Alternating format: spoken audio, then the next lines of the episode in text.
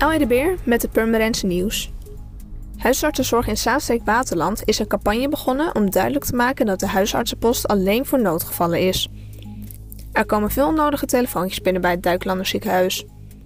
Huisartsenzorg vindt dat de grootte van de telefoontjes niet dringend is en dat de mensen makkelijk kunnen wachten tot een eigen huisarts bereikbaar is. Pieter Herma uit Purmerend is de nieuwe fractievoorzitter van het CDA. Hiermee vervangt hij Sibrand Buma, die burgemeester wordt van Leeuwarden. Eneas Herma, de vader van de nieuwe fractievoorzitter, zat van 1994 tot 1997 als fractievoorzitter bij het CDA. Pieter Heerma is sinds 2012 Kamerlid. Vandaag heeft wethouder Paul van Meekeren het startsein gegeven om het zonnepanelenproject Zon op de Kraal in gebruik te nemen.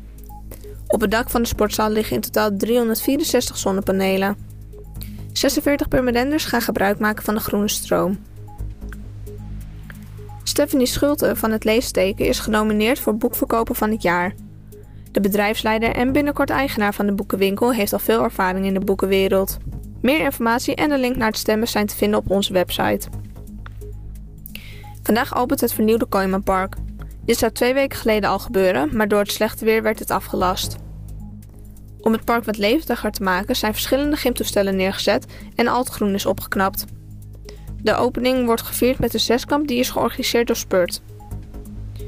Voor meer nieuws kijk of luister je natuurlijk naar RTV Permanent, volg je onze socials of ga je naar rtvpermanent.nl.